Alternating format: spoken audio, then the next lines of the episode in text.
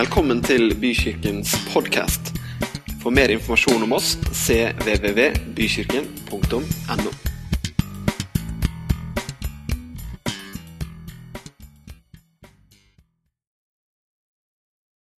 Vi takker deg for at du er konge.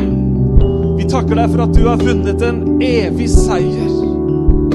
Takk at du har åpna døra for oss. Takk at du har tatt bort skilleveggen. Takk at du har gjort veien til vår far åpen. Takk at vi med frimodighet, med tillit, kan komme framfor deg i dag. Og så kan vi legge det som ligger på hjertene våre. Vi kan legge situasjonene vi står i. Vi kan legge de på deg. Vi kan gi det til deg. Og vi gjør det akkurat nå. Vi løfter det som ligger på oss, og så gir vi det til deg. For ditt ord sier at du har omsorg for oss. Du er levende, du er kraftig, du er allmektig. Og vi takker deg, Herre, for at du rører ved oss. Du griper inn i livene våre. Du løser floker, Herre. Du helbreder sår, Herre. Du gjenoppretter relasjoner. Alt fordi at du er Gud. Vi Vi ditt mektige navn. Takk skal du ha, far. Takk skal du ha, far. Halleluja. Amen. Det er godt å be.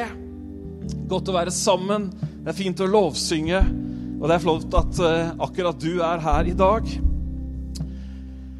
Tusen takk til dere også. Vi skal bare gjøre noen sånn uh, Den kan stå der. Så bare gjør vi noen sånne trekk. Vi tar den litt lenger bort der. Skal vi se. Sånn. Så en kasse til. Frank ved et råd. Sånn. Nå er det noen som sier at ungene har gått opp en tove. Det er ikke barnemøte nå. Men det er barnemøte, skjønner du.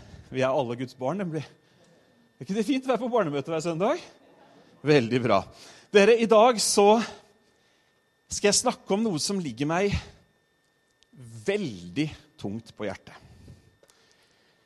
Eh,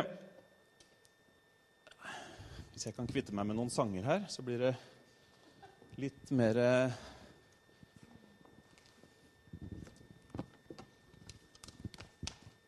jeg, skal, skal, jeg skal, snakke om noe som ligger meg på hjertet, men jeg syns vi skal be sammen en gang til først. Jeg har ikke glemt at vi har bedt. Men jeg pleier alltid å be når vi skal dele Guds ord, fordi at det er noe med Guds ord som skiller eh, den litteraturen, hvis jeg kan kalle det det, fra all annen litteratur. Vi kan bli rørt av en god roman. Vi kan eh, kjenne andre følelser på følelsesregisteret bevege seg av nydelig poesi. Men Guds ord er levende på en sånn måte at det evner faktisk å påvirke livene våre. Det står at det evner hva det nevner, og det gjør faktisk noe med oss. Vi takker deg, Herre, for at ditt ord er levende. Herre, jeg ber om at ditt hjerte skal bli synlig gjennom det jeg skal si i dag. Jeg ber om at de få bibelversene vi deler, at det skal gi retning til livene våre.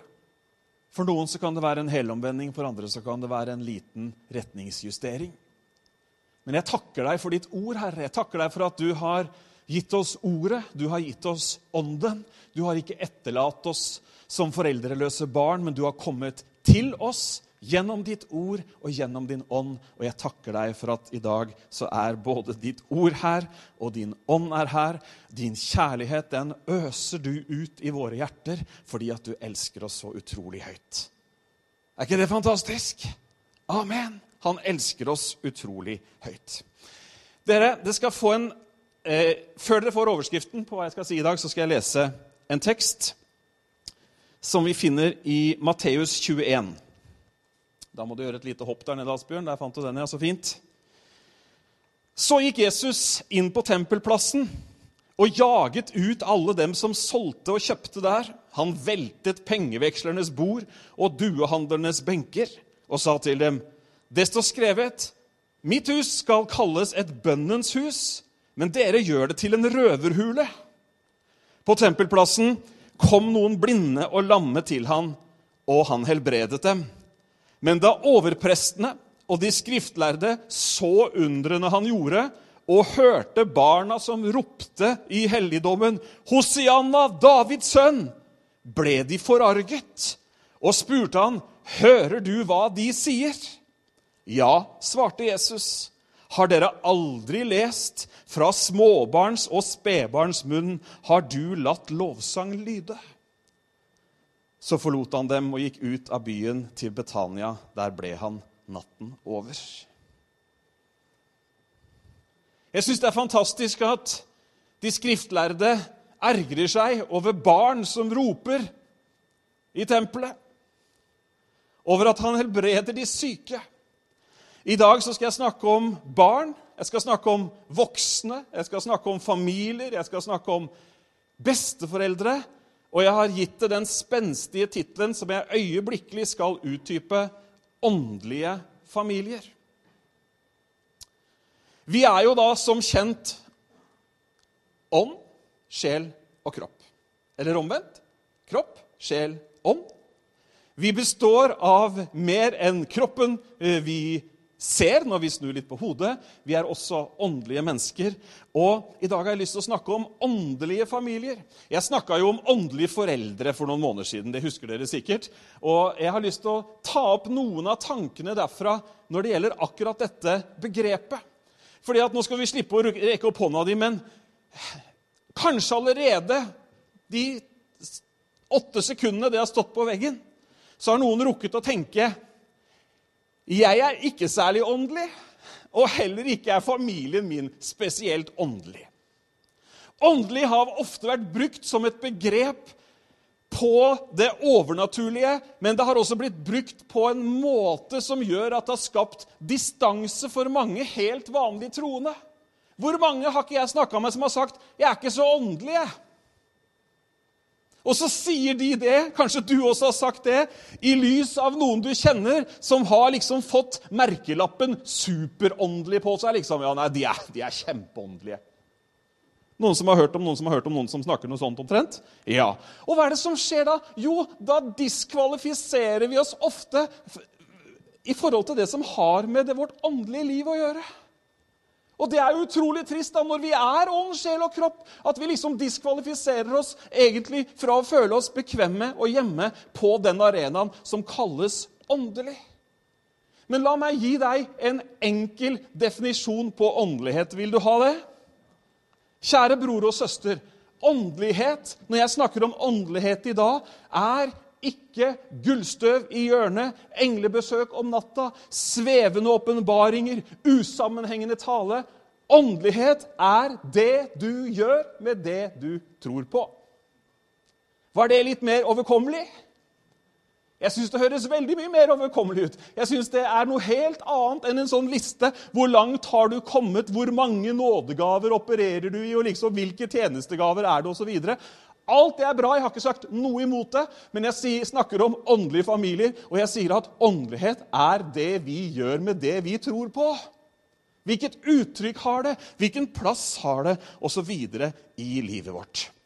I dag har dere allerede skjønt at vi snakker om helheten i menigheten. Vi snakker om barna, vi snakker om ungdommene, vi snakker om de voksne. Det er noen barn her også. Og vi snakker om, om også dere som er godt voksne. Denne illustrasjonen har mange av dere sett før, men den illustrerer svært godt hvor mange uker det er fra man er 0 til 19 når man har kommet til treårsalderen. Når vi snakker trosopplæring, så snakker vi om et fokus fra 0 til 19, altså fra de er født og til de er ferdig med videregående. Og Ved treårsalder så har du 832 uker igjen til du er 19. Det er, det er mye, altså.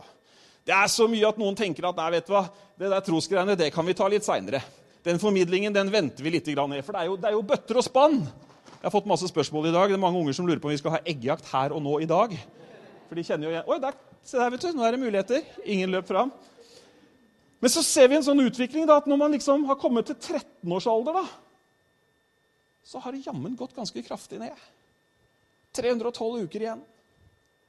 Nå bruker vi uker her, for uker er en vanlig syklus. Gud skapte, ikke sant? og så hvilte han på den syvende dagen osv.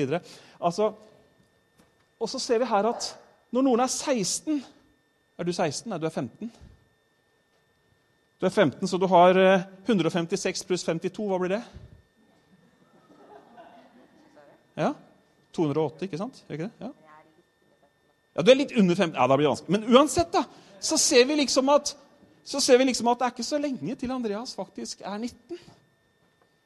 Bare en visualisering av hvor viktig det er å bruke tiden. Forskning viser En stor undersøkelse ble gjort i USA i 2011, og nå er det begynner å bli ganske mange år siden. Så var det drøyt 65 000 eh, tenåringer som ble spurt eller som, ble, som var med i denne undersøkelsen. Disse 65 000 hadde alle vært aktivt med i barne- og ungdomsarbeid. Kristent barne- og ungdomsarbeid. Vet du hvor mange av de som forlot kirkeliv?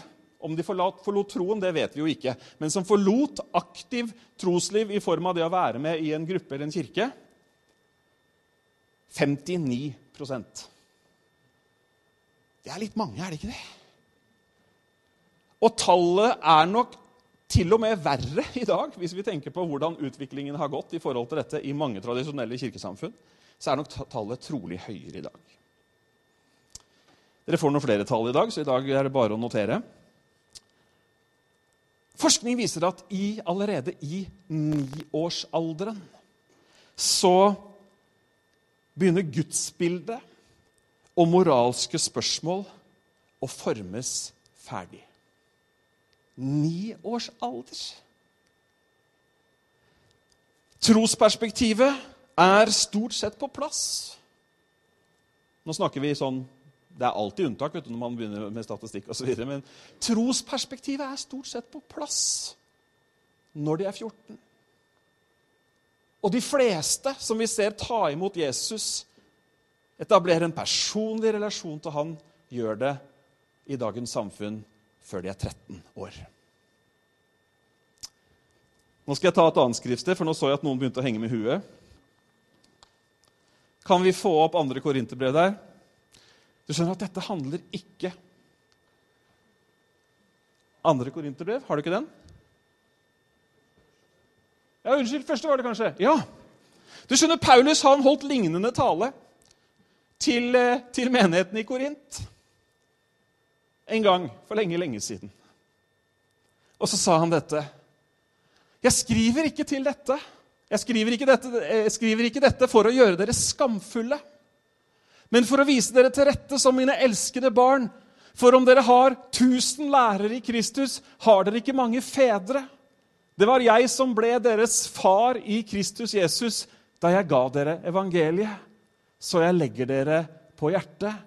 Ha meg som forbilde. Forbilde i hva da? Forbilde i å være en ansvarlig voksen, være en far. Forbilde i hva mer? Forbildet i å gi evangeliet videre til de kommende generasjoner. Kan vi ikke få det sitatet du hadde fra T.S. Eliot her? En av 19, det 19. århundres store forfattere og poeter.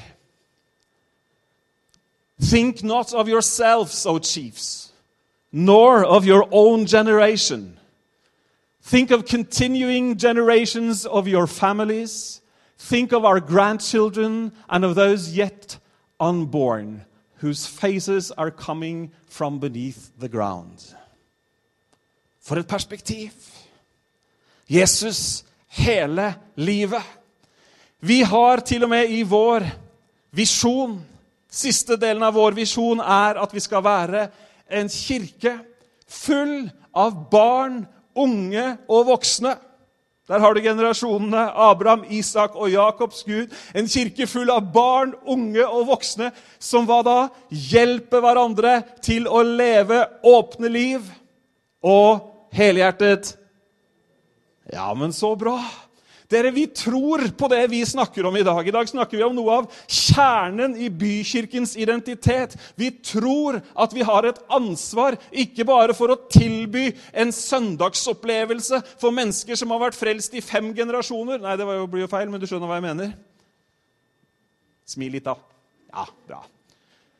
Vi tror ikke vi bare skal være et tilbud Liksom hvor du kan få eh, liksom fylt litt på ting du allerede vet. Nei, vi tror at vi skal være en kirke som gir evangeliet videre til nye generasjoner. Ja! Derfor så har vi noe for ungene hver eneste søndag vi har gudstjeneste. Derfor så har vi nå økt eh, hva skal man si, innsatsen mot barn og unge ved at vi har gitt Anette større stilling, vi har, eh, har nå eh, ansatt en ungdomsleder i 80% stilling, som begynner nå 1. april. Ja. Og det, det, er, det, er, helt fantastisk, og vi gleder oss over den utviklingen. Men så er det også gøy at da på papiret så bruker vi mer penger, mer pastoralt arbeid mot de yngste generasjonene enn mot de eldre. Er ikke det bra også, da? At plutselig det er liksom 131,3 årsverk som skal liksom gi oss enda mer fart framover der, mens jeg skal være sammen med dere gamle. Egil Svartdal sa Ja, det var noen som klappa. Å, tusen takk. Du skal få stjerne i medlemsregisteret. To stjerner skal du få. Det var, å, det varma langt inni hjerterota. Egil Svartdal sier det i boka si 'Gi det videre' at han tror på egentlig at flere menigheter burde hatt et sånt pastorbytte mellom ungdomspastor og seniorpastor. Men det som mener han at det ungdommene trenger mer av, er som Paulus sa, fedre, mødre, noen som har stått der lenge, som vet hva de snakker om, som er runde, rause, nådefulle og sjenerøse og kan ta imot spørsmål og utbrudd av ymse slag. Amen? Det sier han at ungdommene trenger. Derfor så driver vi med åndelig foreldreskap her. vet du, ved at vi har voksne folk inne. Og så, Motsatsen er da, sier Egil Svartdal Det er så deilig når Egil Svartdal har sagt det, for da vet jeg at noen av dere nesten retter dere opp og tar på hvit snipp. Men, men, når han har sagt det, så er det Oi, har han sagt det? Ja, du kan få boka mi etterpå, eller kjøpe den av meg. Jeg har for mange. For han sier motsatsen til det er nemlig at de gamle trenger en ungdomspastor for hva er det som kjennetegner ungdomspastoren i hans forståelse? Jo, liksom, alt er ikke helt på plass teologisk, så du må tenke litt sjæl. Og du vet, ungdomsmøter, du må ta deg en tur. Vi utfordrer 14 hakk mer enn det vi gjør på en søndag. De er mer radikale, de er mer på, så jeg gleder meg til å slippe Pål løs på dere når han kommer. altså. Ta han vel imot. Vi skal snakke mer om det en annen gang. Hvordan kom vi inn på dette? Jo Bra. Er ikke nede nå. Nei. Det er ikke det som er hensikten å få noe nede. Men vi må snakke sant om at over 60% av barna og unge sier 'goodbye, church'. Det må vi jo gjøre noe med. Jeg kan ikke sove om natta hvis jeg putter dette under teppet og bare preker om et eller annet som klør oss i øret. Hallo? Det går ikke an. Vi må hjelpe hverandre, vi må heie på hverandre. Vi må snakke sant om utfordringene med å gi evangeliet til den neste generasjonen. For det er sånn Guds rike har framgang. Og du vet, I verden så har vi to kraftige påvirkningskrefter. Vi har kirke, menighet, og vi har ditt private hjem. Er det ikke fine, de der, da? Altså, jeg, jeg har klipt formen, det ser dere symmetrisk, voksent og kjedelig. Mens eh, ungene mine har i, i dag tidlig De står jo opp altfor tidlig.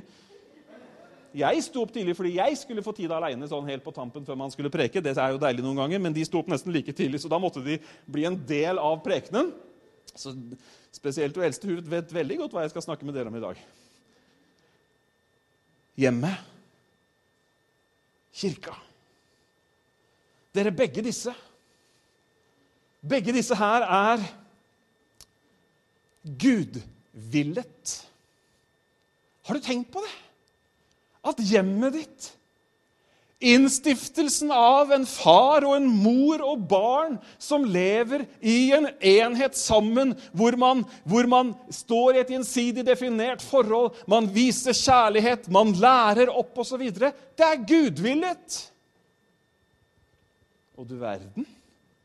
Så det er ikke bare velferdsstaten som vil det. Nei, velferdsstaten har jo takk og pris skjønt at styrken i et samfunn ligger i velfungerende familier. Så fort ikke familiene fungerer så bra lenger, så er familien en stor kostnad for velferdssamfunnet. Men det skal vi ikke ta denne gangen. Det hører til i en helt annen sammenheng. Men Gud, han vil familie. Kan jeg få lov til å si at Gud vil familie, selv om det er sånn at det av og til ryker for oss? Så er han nådig og tilgir. Han vil fortsatt at vi skal være i en familiesetting. Amen. Og så vil Gud menighet. Vet du hva? Gud vil menighet mer enn meg, til og med. Og jeg vil ganske, kraft, ganske hardt. Noen syns at jeg vil det for hardt noen ganger.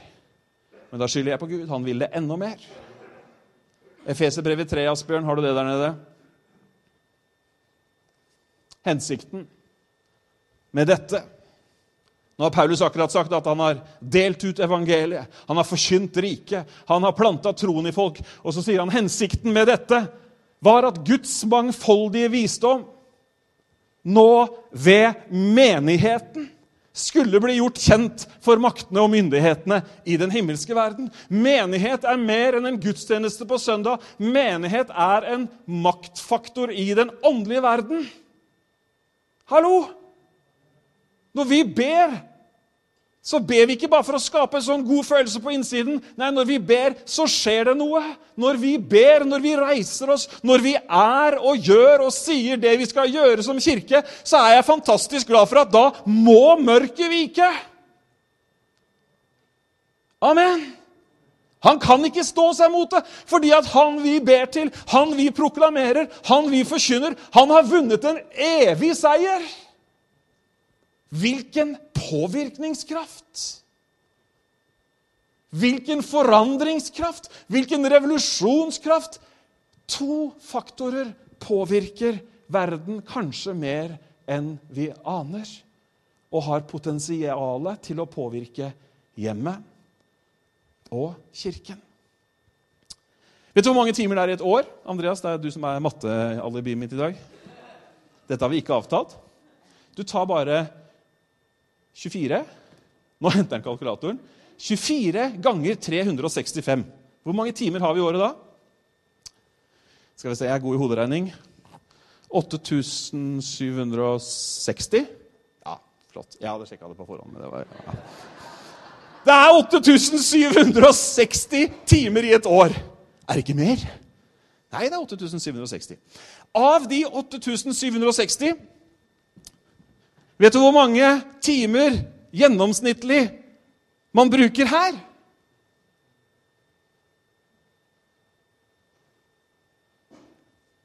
Førti. 40 timer i året. Eh, statistisk. Nå er jeg kjempetakknemlig for at noen av dere bruker mye mer. Men 40 timer! Vi snakka om påvirkningskraft, gjorde vi ikke det? Vet du hvor mange timer vi bruker her? Gjennomsnittlig. Nå må du ta 8700 Nei, jeg skal ikke det. 3000. 3000 timer i året tilbringer man sånn cirka i hjemme. Så da kan du jo hvis, skal, hvis vi er over på stillinger og årsverk igjen, så kan man jo tenke hvor, hvor, mye skal vi på en måte fylle på der hvis vi ikke gjør noe der? Eller hvor mye skal vi fylle på der hvis vi ikke gjør noe der? For kirka har noe som ikke hjemmet har, hjemmet har noe som ikke kirka har, osv. osv. Er dere med på tanken? Poenget er bare, kjære venner, at vi trenger hverandre. Hjemmet er en arena hvor Gud kan vise hvem han er, og hva han kan gjøre. Sånn at ungene våre ser det. Det samme er også kirka. Har dere hørt uttrykket 'It takes a village to raise a child'? It takes a church to raise a child. Takes a fellowship to raise a child. Jeg husker ikke prosentandelen, men vet du hva? Sjansen for at et barn og en ungdom blir bevart i troen, øker proporsjonalt med hvor mange andre voksne personer i kirka som har vist at de bryr seg og tar troen deres på alvor. Så dette er et fellesanliggende. Du må ikke sitte her og tenke at 'jeg har ikke barn lenger', så det teller, bruker meg. Det, det, det, det teller enormt. Ikke at man bare sier 'hei, så fin kjole du har', men at man ser folk forbi kjolen og forbi det ytre og forbi, forbi det de har prestert, og heller se hva de er. Oppgaven dere er å bygge Guds rike. Bygge Guds rike for menn og kvinner, for gutter og jenter. Det står for mye på spill til at vi kan utelate den ene eller den andre. Vår drøm er som kirke å hjelpe. Det blir så rart å si 'hjelpe dere der hjemme', for det, gjelder meg sjøl også. Kirken ønsker å hjelpe hjemmene. Vi ønsker å mer og mer kunne legge til rette for at det skjer en formidling der hjemme. Når barne- og in-betweens-lederne osv. hver søndag setter seg ned etter å ha møtt opp tidlig, eh, holdt unga i sjakk og holdt på å si hatt nesten en arbeidsdag her, når de setter seg ned og skriver på Facebook hva vi har snakka om i dag, og gir forslag til spørsmål, temaer, for å føre samtalen videre, så er det fordi at vi ønsker å hjelpe hjemmet. Med på tanken? Når vi tar opp temaet som vi gjør i dag, så er det fordi vi ønsker å hjelpe hverandre. Når vi arrangerte foreldreskole i fjor vår, og når vi skal ha det nå igjen til høsten, hva er det? Jo, vi ønsker å spille på lag fordi at det er mye som står på spill. Det er barna våres frelse og evighet. Det er det vi jobber for, dere.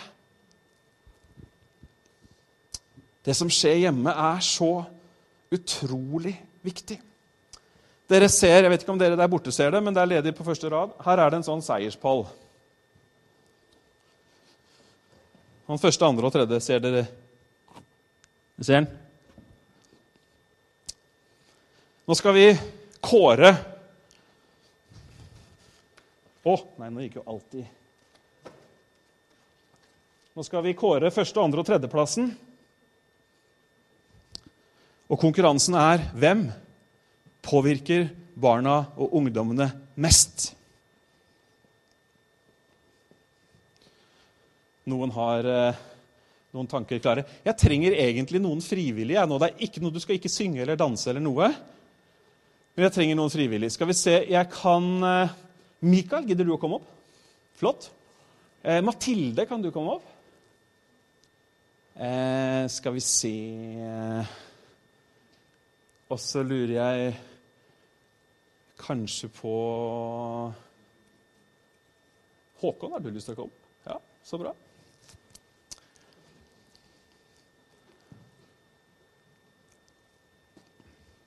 Det er sånn at eh, Jeg er så lei av de egga, jeg nå. Jeg er ikke lei av dem, men jeg blir veldig lei av dem hvis jeg dunker borti dem og plukker dem opp etterpå. Jeg kan tro det var en jobb å sitte hjemme og telle opp de der 832. Også da fikk jeg hjelp av mine små. da. Men det er sånn at eh, han her eh, Han er eh, Har du noen venner? Ja. Har du noen søsken? Ja. Bra. Det er sånn at venner og søsken de det Kan du stille der? Gratulerer. Bronse. Applaus. Bronse.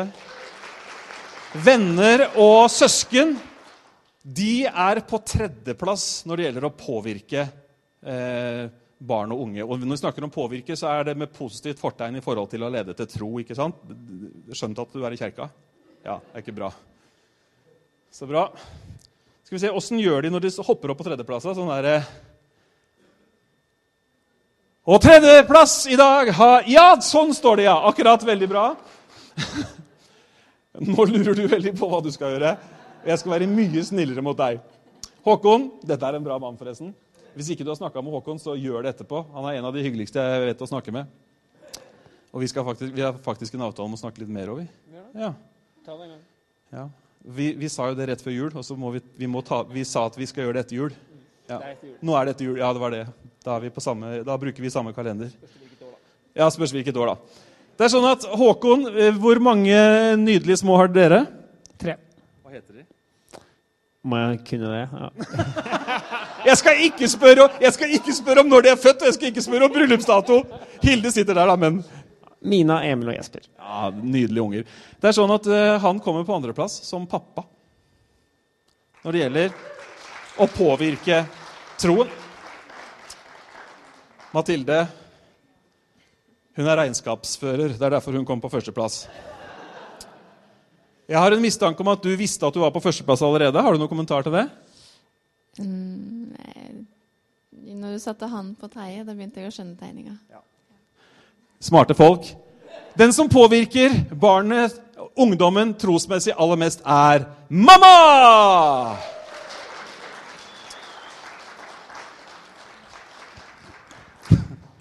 Der, vet du. Der ble det høyde på tingene. Dere, hjemmet Dere kan stå der litt. Hjemmet er utrolig viktig. 3000 timer i året. Men jeg har en litt sånn trist meddelelse i denne prekenen som har mer tall enn vanlig. Undersøkelser viser blant tusenvis av tenåringer at det er bare 26% av tenåringene som kan huske å ha hatt en samtale med mamma som dreier seg om tro. Det er faktisk enda mer alvorlig at det er bare 13% av ungdommene som kan erindre at de har snakka med pappa om tro. Det kan hende at statistikken her er helt annerledes. Men det er allikevel et rop om tid, om fokus. Vi har det travelt. Jobben er viktig. Skolen er viktig. Trening er viktig. Sosiale medier er viktig. Men sannheten er at veldig mange barn og unge har aldri hørt historien om når pappa ble frelst. De har ikke hørt historien om åssen mamma kom til tro. De har ikke hørt historien om bønnesvaret.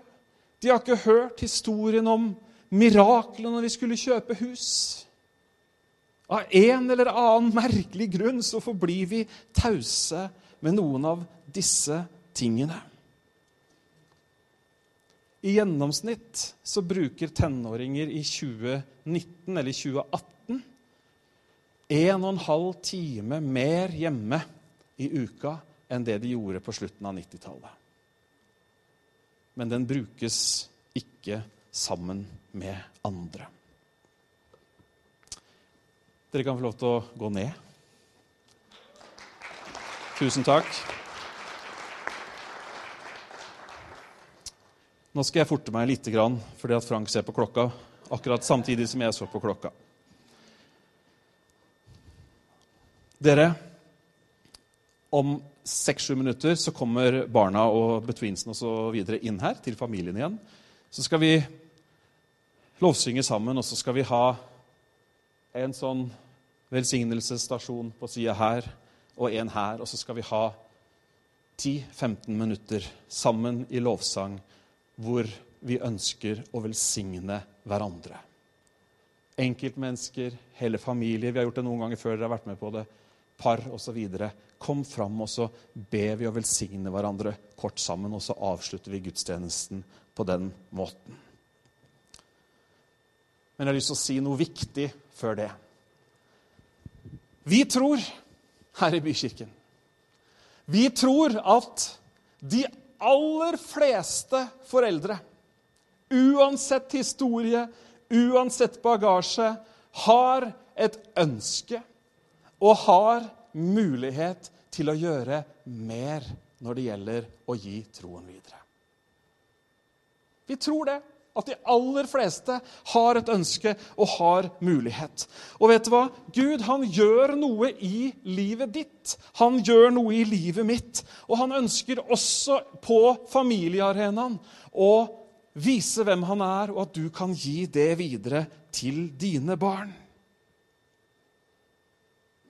Du må aldri la deg lure til å tenke at 'jeg er jo ingen åndelig forelder'.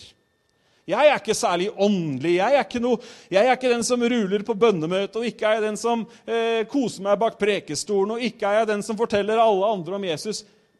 Du har opplevd Gud i ditt liv. Åpne opp for at Gud kan også gjøre mer i ditt liv. Og vær åpen med det han gjør i ditt liv, så er det dine barn som sitter på første rekke når de ser hva Gud faktisk gjør i livet ditt. La oss ta dem med i bønnen, i, i historiene osv. Og, og vet dere hva? Målet mitt er ikke at alle nå skal gjøre alt. Du er med på den? Kjente at børa ble litt lettere på skuldrene. Det kommer ikke en smørbrødliste nå om alle ting du må gjøre for at du skal være en åndelig forelder. Nei, det kommer ikke. Men det som kommer, det, det jeg sier, er at jeg har en tro. Vi har en tro på at alle foreldre har et ønske om å gi noe videre. Målet er ikke å engasjere deg til å gjøre alt, men til å gjøre noe mer. Hva om resultatet av at vi snakker om dette, blir at en pappa som aldri før har bedt sammen med tenåringsdattera, begynner å gjøre akkurat det? Hva om resultatet blir at en familie som aldri snakker om Gud eller åndelige ting, begynner å snakke sammen om Gud? I hvert fall i ny og ne. Hva om resultatet blir at en mamma som ikke har hatt noe god kobling med tenåringssønnen sin, klarer å overbevise han om at han er elsket? Hva om en gutt som kjenner seg ensom, får oppleve at Gud svarer mammas bønn, og at han får venner? Hva om en sønn eller en datter for første gang får se Gud aktiv, Gud i aksjon i mamma eller pappa sitt liv? Skal vi reise oss opp? Kommer lovsangerne opp? Så kan vi slippe barna inn og prøve å bare stå eller være sammen med de der hvor dere er. Og mens vi ledes i lovsang, så ønsker vi å invitere til at vi ber sammen. Hvis du har helt spesielle behov, så kan du også nevne det når du kommer til oss som står på sidene her. Men primært så ønsker vi bare å legge hendene på hver eneste en og velsigne i Jesu navn. Dere, vi står sammen i denne utfordringen. Amen. Hørte du hva jeg sa? Vi står sammen i denne utfordringen. Vi skal hjelpe hverandre, vi skal snakke sant om vår utfordrende der. Vi skal utfordre hverandre og heie på hverandre. Og så skal vi få se at Guds rike, det etableres også i generasjonene etter oss. Takk, Jesus. Flott å se dere, alle barna som har kommet inn her. Har dere hatt det fint oppe i dag? Ja, så bra. Dere, Nå skal vi bruke de ti siste minuttene bare, ca. fem-ti siste minuttene sammen her, voksne og barn. Og Da skal vi lovsynge sammen, og vi skal be sammen, og så skal vi be for hverandre. Så du kan være med mamma og pappa bort til en av oss som står her, og så velsigner vi hverandre og bruker noen minutter i bønn sammen nå. Vær så god.